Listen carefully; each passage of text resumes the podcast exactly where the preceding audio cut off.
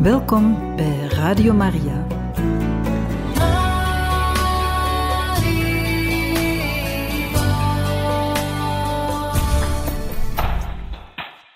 Een zeer goede morgen gewenst, beste luisteraars van Radio Maria. Vandaag op deze vrijdag 19 januari kan u luisteren naar een bijzondere uitzending van De Kerk Leeft in het kader van de gebedsweek voor eenheid onder de christenen, die jaarlijks plaatsvindt van 18 januari tot 25 januari, feest van de bekering van de apostel Paulus.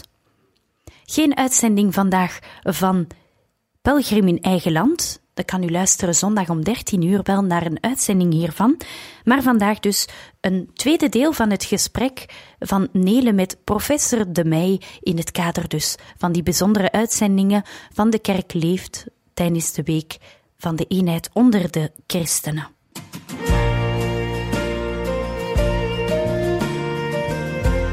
De Kerk Leeft. Een programma van Radio Maria, u gebracht door En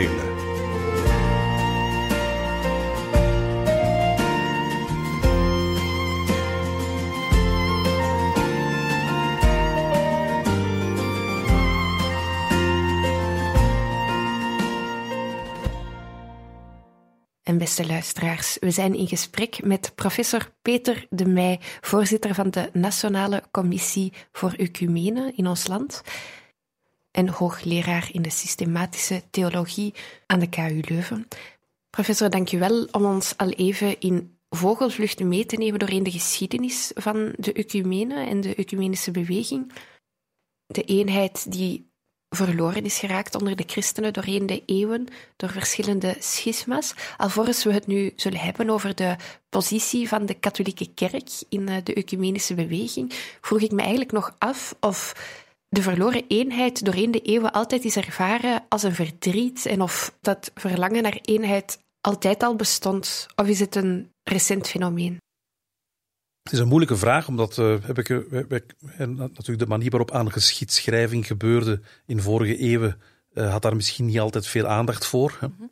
um, er, er, zijn altijd wel individuele ehm, gevallen bekend van, van mensen die, die, die eigenlijk ehm, die verdeeldheid wel betreurden en probeerden te zoeken naar oplossingen. een niet zo bekend voorbeeld in de periode van, van, van de de Duitse verlichting, was bijvoorbeeld Leibniz, die zelf ook al um, bepaalde geschriften heeft geschreven uh, om, om, om eigenlijk uh, de eenheid te gaan herstellen. Mm -hmm. je had ehm, in, in, in, ik vermoed bijna in elke grote christ, christelijke kerk, maar bijvoorbeeld in de, um, in de orthodoxe wereld, de, de, de, de, het, het Russische christendom, hè, had je ja, op het einde van de 19e eeuw ook, ook, ook Solovjev, hè, die, die, die, die bepaalde verlangens had en, en dromen had hè, over het herstel van, van, van het christendom. Hè. En zo heb je eigenlijk, uiteraard zelfs voor die periode waarop, de, waarop het, de katholieke kerk haar intrede in die ecumenische beweging heeft, heeft, heeft gemaakt, waren er ook individuele initiatieven die um, um, ja, leefde dat verlangen toch wel heel sterk hè, om, om te proberen van, van, van, van de ander beter te leren kennen. En dat werd ook voor een stuk aangemoedigd door Rome. Alhoewel we eerlijk moeten zijn dat, dat, dat, dat eigenlijk tot, tot bijna het Tweede Vaticaans Concilie de, de officiële positie van de Rooms-Katholieke Kerk toch was hè, dat wij de enige ware kerk zijn hè, en dat uh, de andere christelijke kerken, hè, om het zo eventjes oneerbiedig uit te drukken, in de fout zijn gegaan hè, en, en eigenlijk moeten terugkeren naar de ware schaapstal. Men noemde dit klassieke model van ecumene soms ook uh, de, de ecumene van de terugkeer. En sinds Vaticanum II is dat verlangen van terugkeer van anderen niet meer op die manier gedefinieerd, maar is het meer we beginnen vanuit dialoog, we leren elkaar in de eerste plaats beter kennen. Dat, dat, dat klopt. Hè. Um, nu, de meningen zijn, uh, of laat, laat mij het als volgt zeggen, hè, dat, uh, want u weet, in, in het, uh, ook in, in de Rooms-Katholieke Kerk, hè, op het vlak van de theologie, ehm, staat het individuele gelovigen en theologen voor een groot stuk vrij om, um,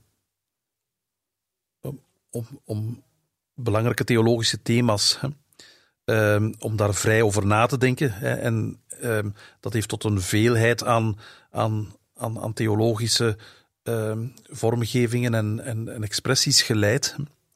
Eh, op, op het vlak van van de christologische dogma's bijvoorbeeld, daar is het duidelijk dat er een heel sterke definitie is van, van wat het betekent ehm, eh, in, eh, van, van hoe, hoe we als, als katholieken de relatie tussen vader, zoon en geest dienen te denken. Maar op het vlak van bijvoorbeeld ehm, eh, over het eeuwig leven zijn er al veel minder theologische definities. En dus ook hier op dit terrein van de ecumene hebben katholieke theologen tijdens en na het concilie soms hun eigen ideeën neergeschreven over ja, wat dan het einddoel van die ecumene wel zou zijn. En dus in die zin wil ik er toch een nuance bij, een nuance bij maken, dat, um, dus dat die terugkeer, de gedachte van de ecumene als terugkeer, grondige studie van de documenten van het Tweede Vaticaans Concilie, maar ook van de overtuiging van verschillende, wat men noemt concilievaders, verschillende deelnemers aan het concilie, hebben er mij toe gebracht om, om, om beter te beseffen dat, eh, dat, zelfs, dat, dat, dat zelfs een aantal ecumenisch zeer open geesten zich toch vermoedelijk het einddoel van de ecumene bleven voorstellen als de terugkeer van de ander tot, tot, tot de ene katholieke gemeenschap.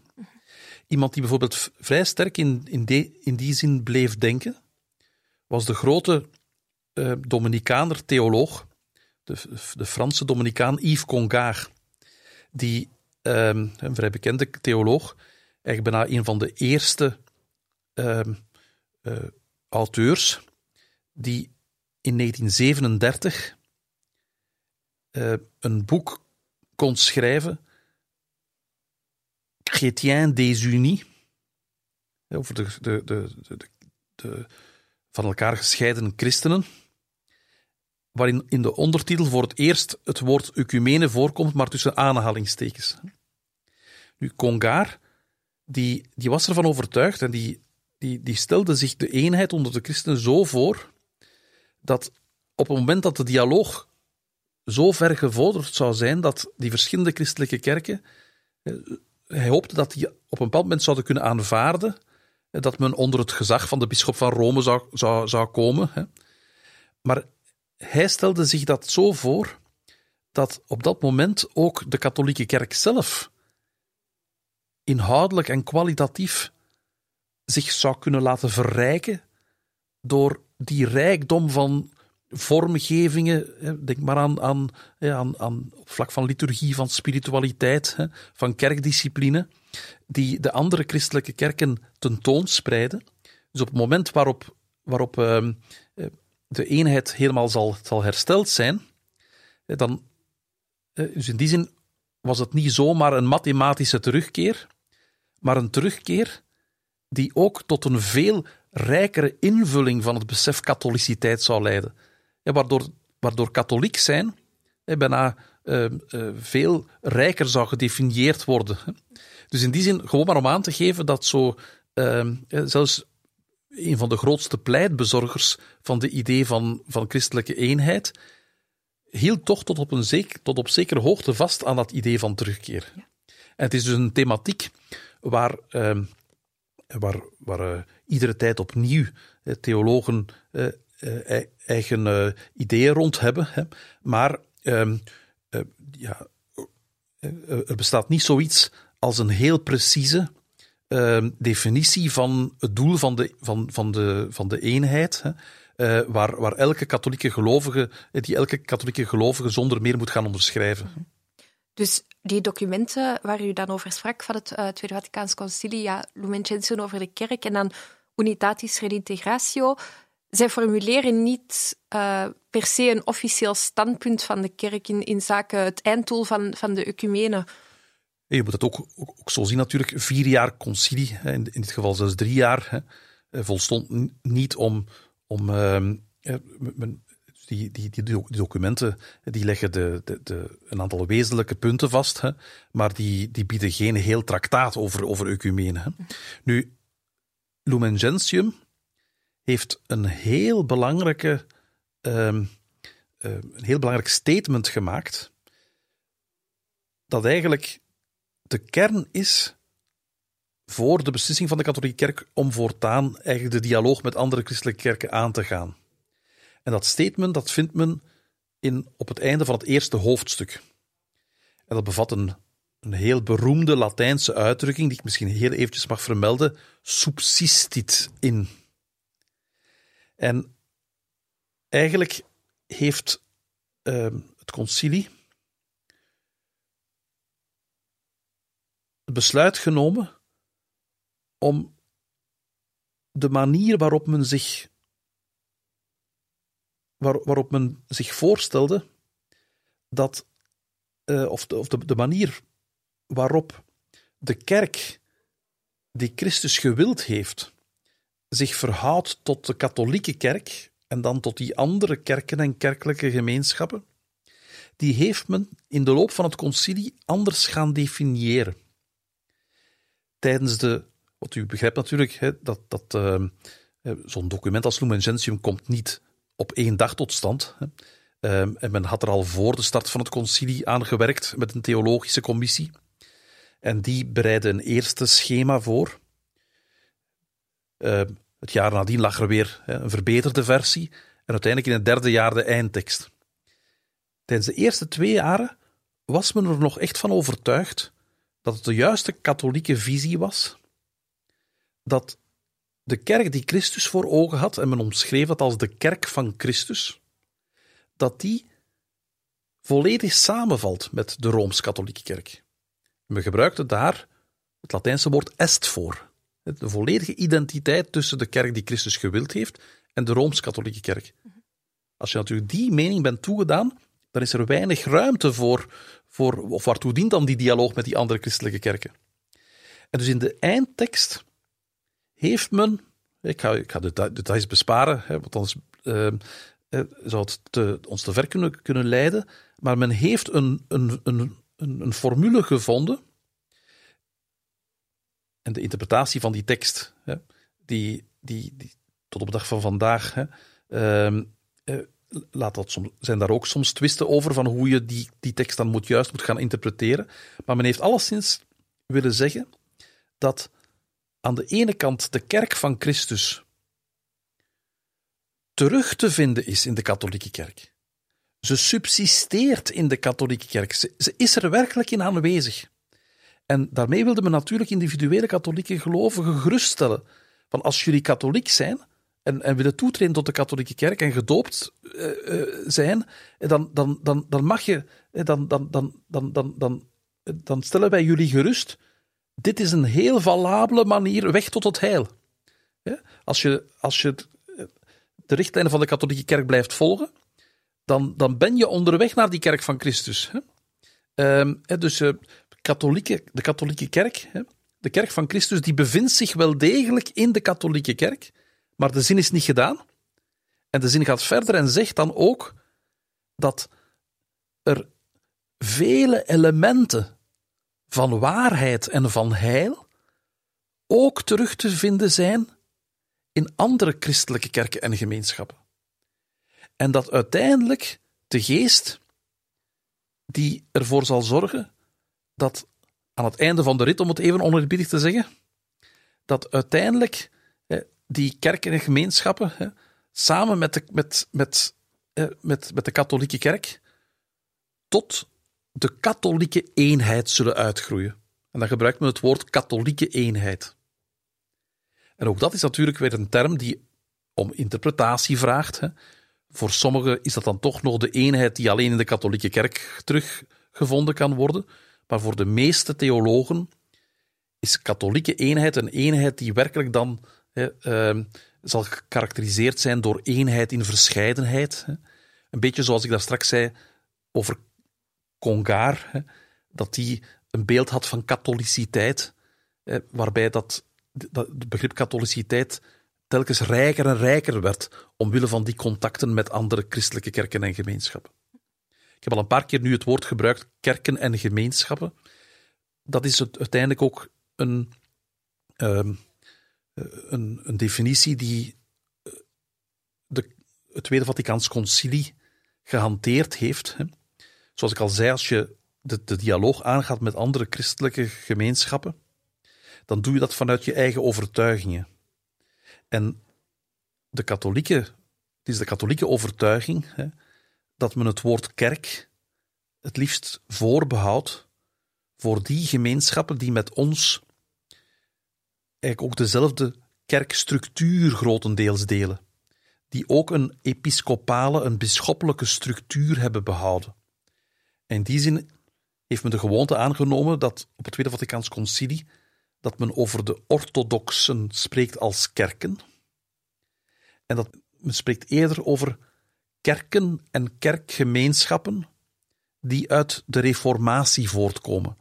Dus daar houdt men op het concilie de mogelijkheid open dat sommige van die gemeenschappen, en dan het voorbeeld dat men meestal voor ogen heeft, is de oud-katholieke kerk, dat die ook bisschoppen behouden heeft en aartsbisschoppen, dat men hen eventueel wel kerk kan, kan noemen, maar vanuit ons ecclesiologisch verstaan spreekt men liever over gemeenschappen. Maar men heeft dan op het concilie besloten om daar een adjectief voor te zetten, kerkelijke gemeenschappen, wat toch aangeeft dat het niet gewoon een clubje is van, eh, van, van mensen die een kaartje leggen in het weekend, hè, maar dat, dat, dat zij werkelijk de intentie hebben om, om aan kerkvorming te doen. Господи,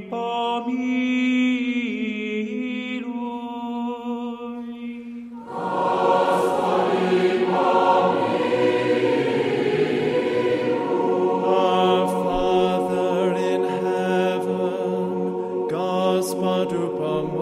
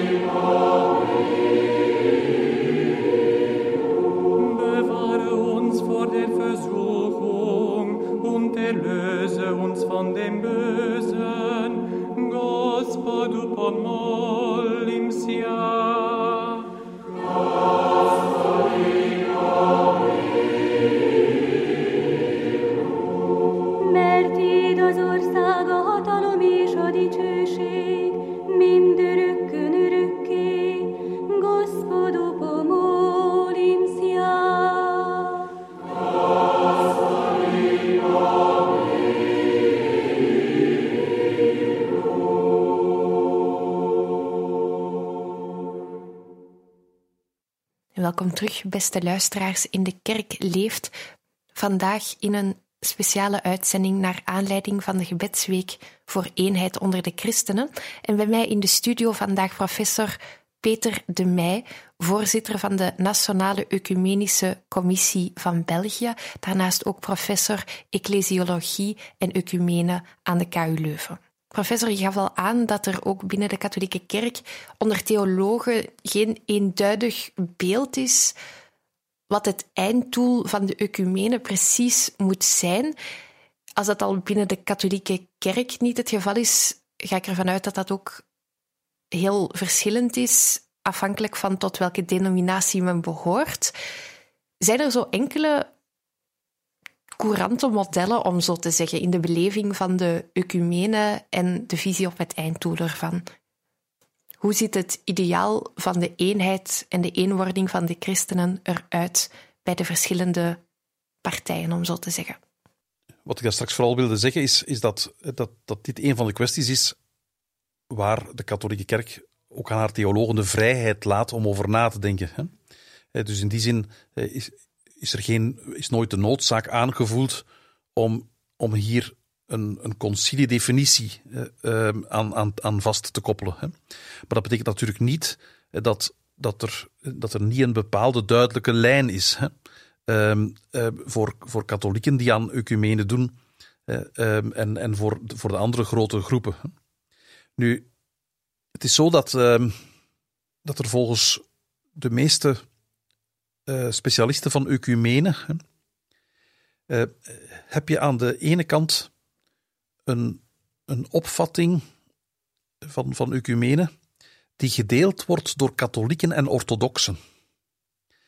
Dus ik zei het al reeds bij mijn kort historisch overzicht, dat natuurlijk hè, uh, dat we gedurende ongeveer tien eeuwen de de ene onverdeelde kerk tijdens het eerste millennium hebben gehad. Uh, maar natuurlijk met, met, met twee duidelijke centra, Rome en Constantinopel. Maar het blijft zo dat inhoudelijk gesproken katholieken en orthodoxen zeer veel gemeenschappelijk hebben. En daardoor ook is het zo dat, zeker tijdens het Tweede Vaticaans Concilie, dat de katholieke kerk dacht dat de dialoog met de orthodoxie eigenlijk bijna het gemakkelijkste zou gaan zijn. Nu, voor ons katholieken, als, als wij de dialoog aangaan met orthodoxen, dan, ehm, dan zou het zelfs nu al mogelijk kunnen zijn dat katholieken uiteindelijk te communie gaan in een orthodoxe kerkdienst. Om, omdat het verstaan van de Eucharistie volgens, volgens, volgens ons zo sterk gelijk loopt. Het probleem is natuurlijk dat het niet wederkerig is. Waar wij als katholieke kerk, zou ik maar eventjes mogen zeggen, de overgang gemaakt hebben van die hele sterke convictie dat wij alleen de enige ware kerk zijn, naar een meer dialogale, ecumenische benadering, zit de orthodoxe kerk zelf eerder nog. Of zij hebben niet die overgang van est naar subsistiet gemaakt. En voor, voor hen zijn zij de enige ware kerk en kunnen zij dus nog niet toelaten dat, dat wij, katholieken, bij hen te communie gaan. Dus zij, zij, uh, zij gaan niet zo ver als wij zouden willen. En dus in die zin is de dialoog ook na het concilie met die orthodoxe kerk toch vrij moeilijk gebleken. En tot op de dag van vandaag, en een van de moeilijkheden is natuurlijk dat die orthodoxe kerk zelf uit een veelheid van onvoorzoende lokale kerken bestaat, wat we helaas de laatste, uh, het laatste jaar met die vreselijke het vreselijke conflict in Oekraïne uh, opnieuw vaststellen. Hè. Um, dat, dat, um, um, en dit laat ook, ja, helaas moeten we, moeten we voorzichtig zijn en, en, en vermoed ik dat ook de officiële dialoog tussen orthodoxen en katholieken, hè, dat, dat bijvoorbeeld de Russisch-Orthodoxe kerk ja, in de, in, in de nabije toekomst daar niet meer aan zal wensen deel te nemen. Hè. En dat dus, dat dus die orthodox-katholieke dialoog uh, zeker spanningsvol en moeilijk blijven zal in de toekomst ook. Maar puur vanuit het, de theologische gelijklopendheid van beide tradities zijn, uh, hebben wij een soort van, van eenheidsmodel waarbij wij ook verlangen naar andere christelijke kerken toe. Wij zijn ervan overtuigd dat de eenheid het gevolg zal zijn van een, een doorgedreven dialoog tussen christelijke kerken, maar ook dat we de Eucharistie, dat de Eucharistie de sacramentele uitdrukking moet zijn van de herwonnen eenheid. En dus in die zin delen katholieken en orthodoxen de overtuiging dat, ehm, dat we toch eerder behoedzaam moeten zijn met ehm, het toelaten van mensen die een ander geloof aanhangen, aan, tot een andere kerk behoren, om eh, zonder uitzondering maar deel te nemen aan, aan onze Eucharistische maaltijd. Maar gaan we eerder zeggen van, er, er, zijn regeltjes, en men noemt dat technisch intercommunie, intercommunie. Dat, eh, er, er is regelgeving die het uitzonderlijk mogelijk maakt om ehm, eh, een katholiek toe te laten eh, ehm, de communie te ontvangen in een andere christelijke kerk. Maar katholieken en orthodoxen, grosso modo, zijn ervan overtuigd dat, dat wij onderweg zijn naar het herstel van die eucharistische gemeenschap. Bij de protestanten loopt het een stukje anders.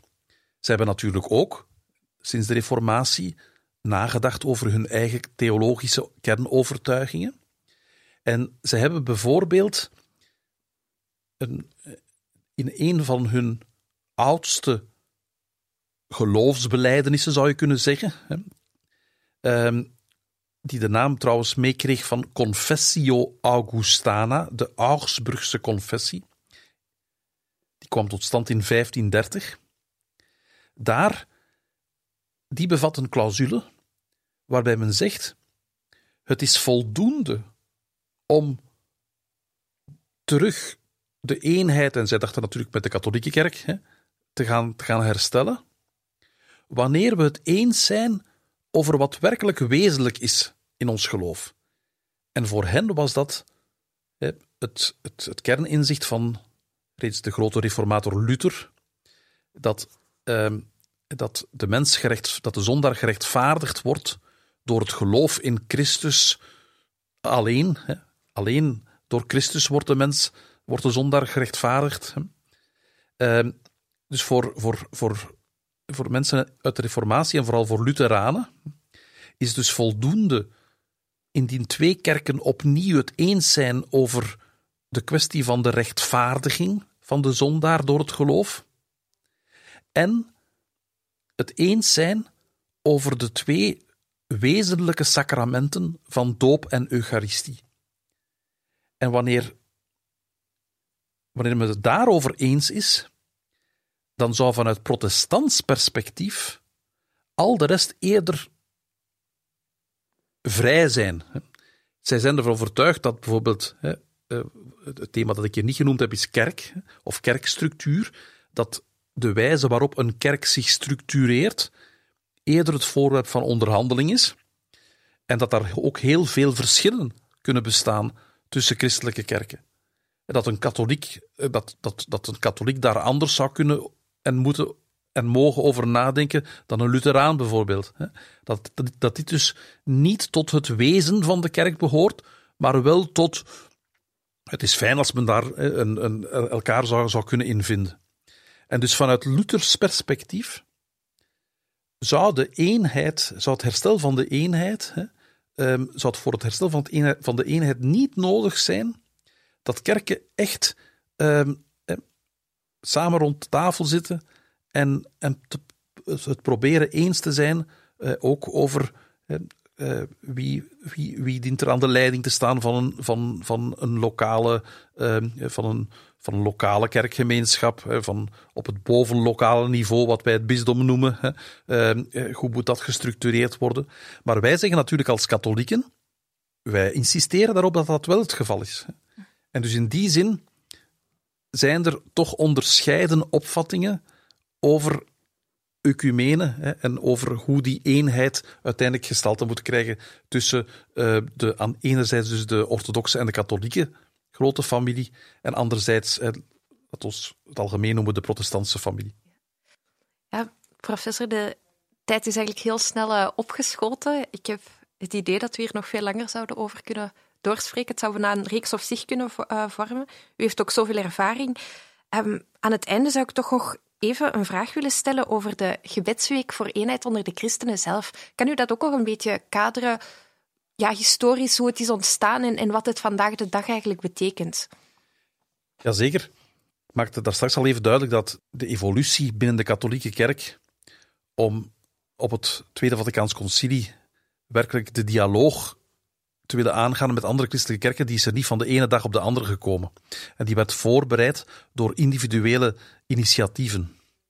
Nu was het zo dat er in de Anglikaanse kerk in eh, 1908, als ik me niet vergis, het initiatief werd genomen om gedurende een bepaalde week van het, van het kerkelijke jaar te gaan bidden voor de eenheid.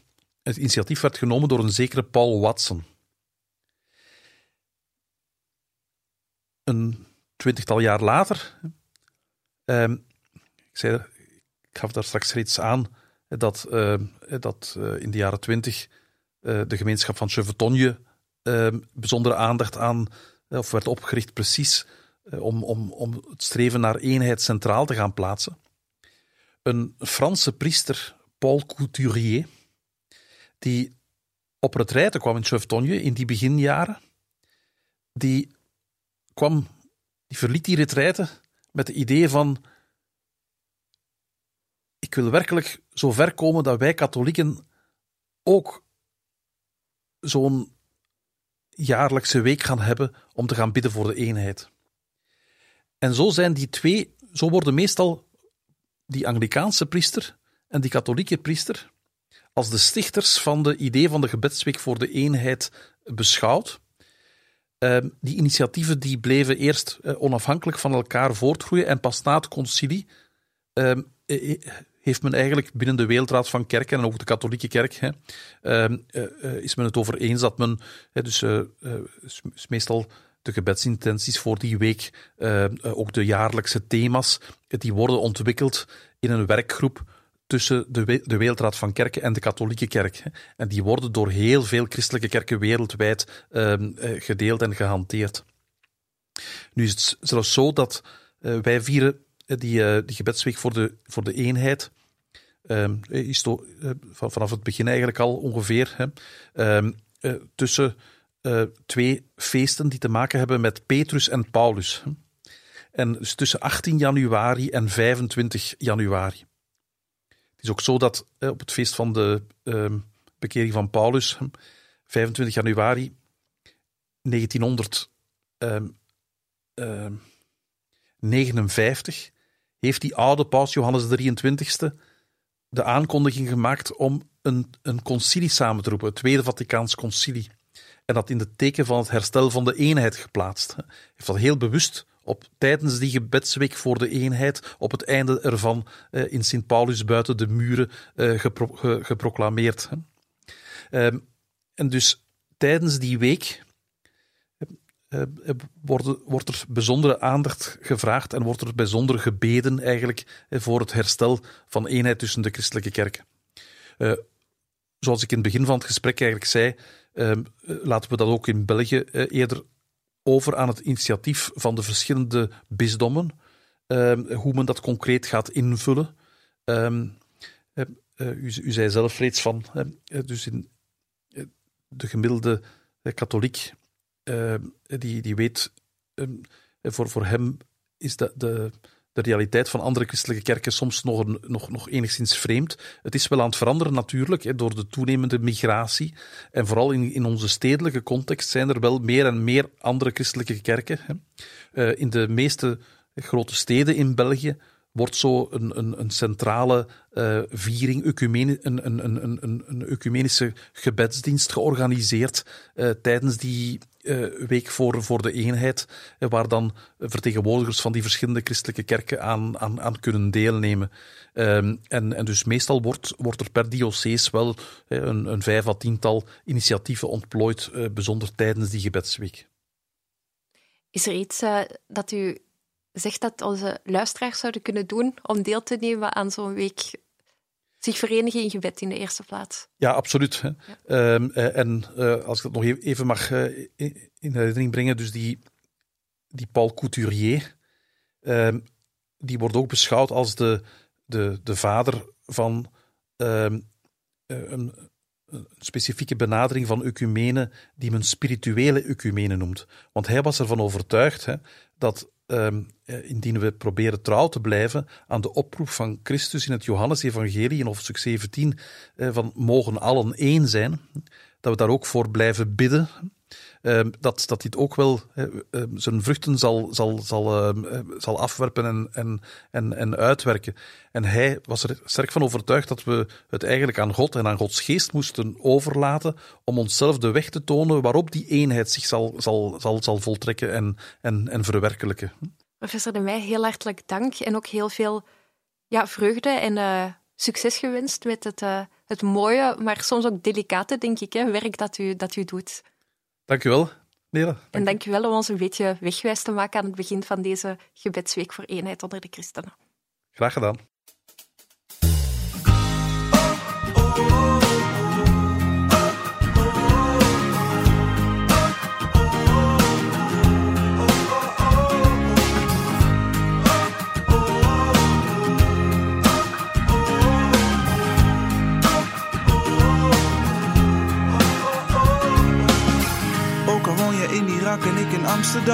Wij zijn broer en zus van elkaar.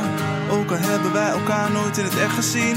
Wij zijn broer en zus van elkaar. En we zijn allemaal met ons geloof op weg. Iedereen weer op zijn of haar eigen plek. Eensgezind, door gebed verbonden. Ingegeven door de geest die ons is gezonden. Eén lichaam, één kerk. Want we hebben dezelfde vader. U bent het die ons bindt schenkt ons aan. Dat is wat samen kerk begint. Oh, we hebben dezelfde vader. U bent het die ons bindt. Oh, u schenkt ons aan elkander. Dat is wat samen kerk begint.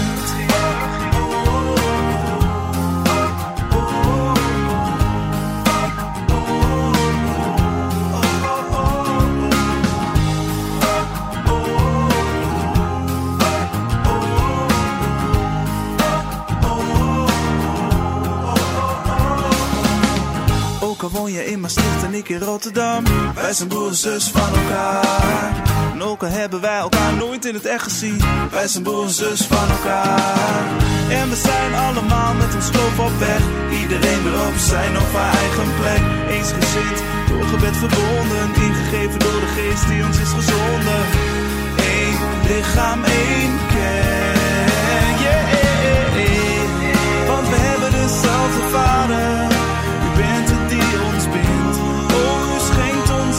Dat is waar samen kerk begint. Oh, we hebben dezelfde vader, u bent het die ons bindt. Oh, u schenkt ons aan elkander, dat is waar samen kerk begint. Oh, we hebben dezelfde vader, u bent het die ons bindt. U schenkt ons aan elkander, dat is waar samen kerk begint. We hebben dezelfde vader.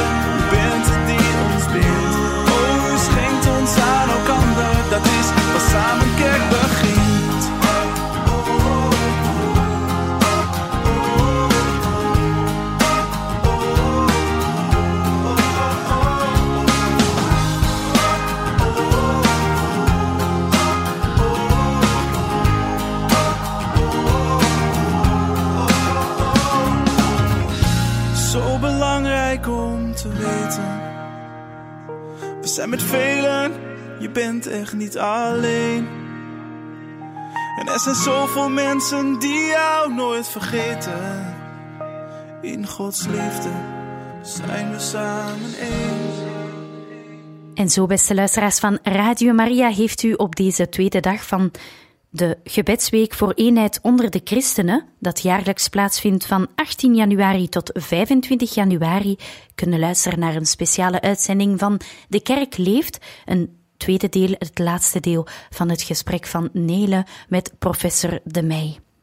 Morgen kan u opnieuw op dit tijdstip om half acht luisteren naar een andere bijzondere uitzending. Beste luisteraars, een zeer fijne dag gewenst.